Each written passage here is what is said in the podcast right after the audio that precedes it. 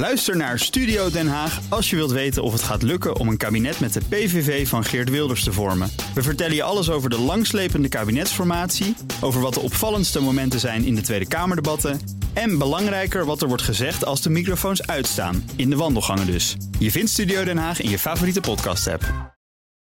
Iedere week kijk ik op deze plek naar mislukkingen en wat we daarvan kunnen leren. En dat doe ik samen met Paul Iske, de CFO, de Chief Failure Officer van het Instituut voor Briljante Mislukkingen. Paul, goedemiddag.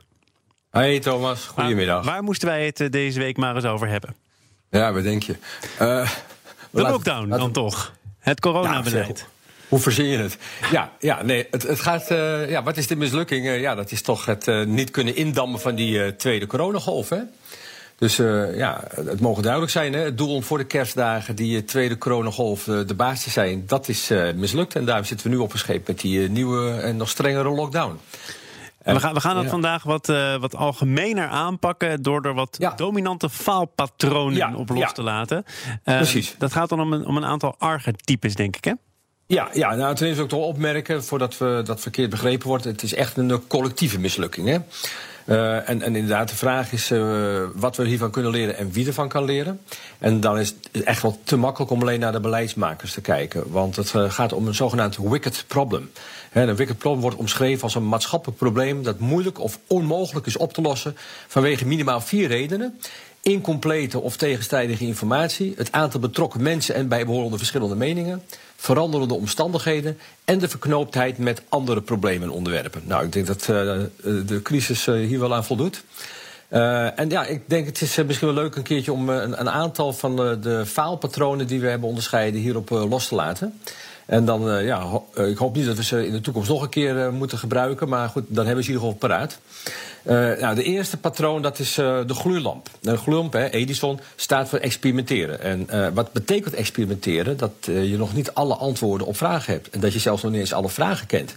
Nou, je herinnert je nog wel waarschijnlijk, Thomas, die opmerking van Mark Rutte in het begin. Hè? Ik moet uh, 100% van de beslissingen nemen met uh, 50% van de informatie. Ja, ja, ja, stuur in de mist en dat soort zaken meer. Ja, ja. ja nou, ik denk dat die 50% nog een uh, grove overschatting was. Uh, dus dus hè, dat, dat, dat, is een van de problemen. Dus ik vind trouwens dat die informatievoorziening nog steeds beter kan en moet. Hè. Uh, wat ik bijvoorbeeld interessant vind, ik ben zelf natuurlijk van huis uit ook uh, wetenschapper. Dat ze steeds pakketten van maatregelen treffen. Nou, dat maakt het natuurlijk onmogelijk om de invloed van individuele interventies te bepalen. Ja. En zijn het dan wel of niet de scholen of de winkels? Ja, als je ze alle twee tegelijk aanpakt, weet je nooit wat, wat, wat nou precies de oorzaak is.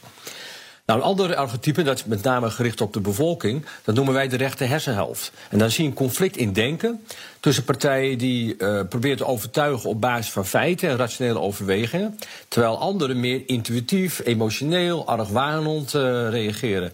En, en, en die tweede groep die overtuig je niet met nog meer feiten. En ja, dat is iets waar we natuurlijk ook de afgelopen periode tegenaan zijn gelopen. We moeten even ja. naar, naar Honduras, want daar hebben ze een brug. Ja.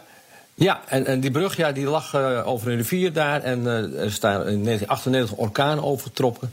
Die heeft uh, de hele delta onder water gezet. En toen het water zich eenmaal terugtrok, toen bleek de rivierbedding ineens 400 meter verderop te liggen. Waardoor die brug niet meer over het water ligt, maar daarnaast. Ik denk dat je dat kunt visualiseren. Ja, zeker. En dat betekent dus als je een probleem oplost, dat je vaak andere problemen ervoor terugkrijgt. He, dat zie je nu ook. He. Je verjaagt mensen uit de theaters en de horeca. En dan gaat iedereen thuis zitten en dan lopen ze daar weer kans om besmet te worden. Je ziet bijvoorbeeld, dat vind ik, gaat me wel een beetje aan het hart. Uh, uh, mensen worden eigenlijk uh, aangemoedigd om niet meer naar de winkels te gaan en, en naar de horeca. Nou, dat loopt enorm veel omzetverlies. Terwijl er andere partijen zijn die daar enorm van profiteren. En het gekke is dat de belastingbetaler wel moet betalen voor degene die dus die schade oplopen. En terecht. Maar ja, is het misschien een rare gedachte om te denken... ja, maar dat geld is uiteindelijk terechtgekomen bij al die webwinkels, die platforms. Misschien dat daar een klein beetje belasting op gegeven zou kunnen worden. Maar, ah, dat is gewoon een schetsje tussendoor. We moeten de olifant ja. voor een volgende keer uh, bewaren. Ook een, een ja. archetype, een dominant faalpatroon. We moeten nu naar ja. een, een oordeel over deze, mag ik wel zeggen voor deze keer, collectieve mislukking. Ja, ja. En, en nogmaals, niet alleen naar de het OMT kijken. Nee, nou, de visie. Collectief, zeker. Ja, de visie. Nou, ja, men probeert dus door slimme maatregelen en het opvolgen van de pandemie te beteugelen. Nou, uh, de vraag is of dit echt wel mogelijk is zonder langdurige opofferingen of zonder vaccin. Anders blijf je maar pompen en verzuipen. Dus ik weet niet of dit nou echt uiteindelijk uh, de, de echte oplossing echt dichterbij brengt. Maar goed, het is wel goed geprobeerd en het, ja, je moet wat doen, een 7. De inzet. Nou, de beleidsmakers spannen zich zeker in. Maar ik moet eerlijk zeggen, als ik zo op straat kijk, niet iedereen doet echt mee. Dus als ik dat dan uitmiddel, kom ik niet verder dan een zesje. Risico. Erg van risico. het risico van die aanpak is natuurlijk aanzienlijk. Hè. Je ziet de economische, sociale impact andere kant is het misschien juist weer te soft om het virus echt te verslaan. Risico aan beide kanten, zes.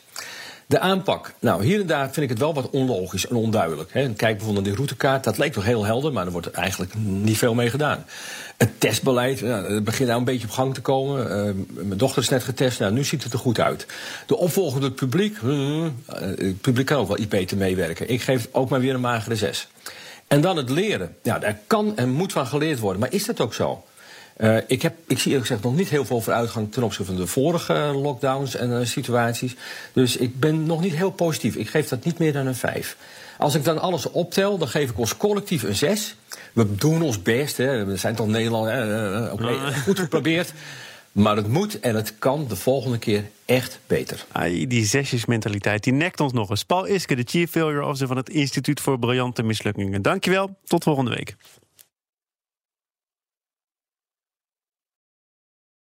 Ook Bas van Werven vind je in de BNR-app. Ja, je kunt live naar mij en Iwan luisteren tijdens de ochtendspits. Je krijgt een melding van Breaking News. En niet alleen onze podcast Ochtendnieuws, maar alle BNR-podcasts vind je in de app. Download nu de gratis BNR-app en blijf scherp.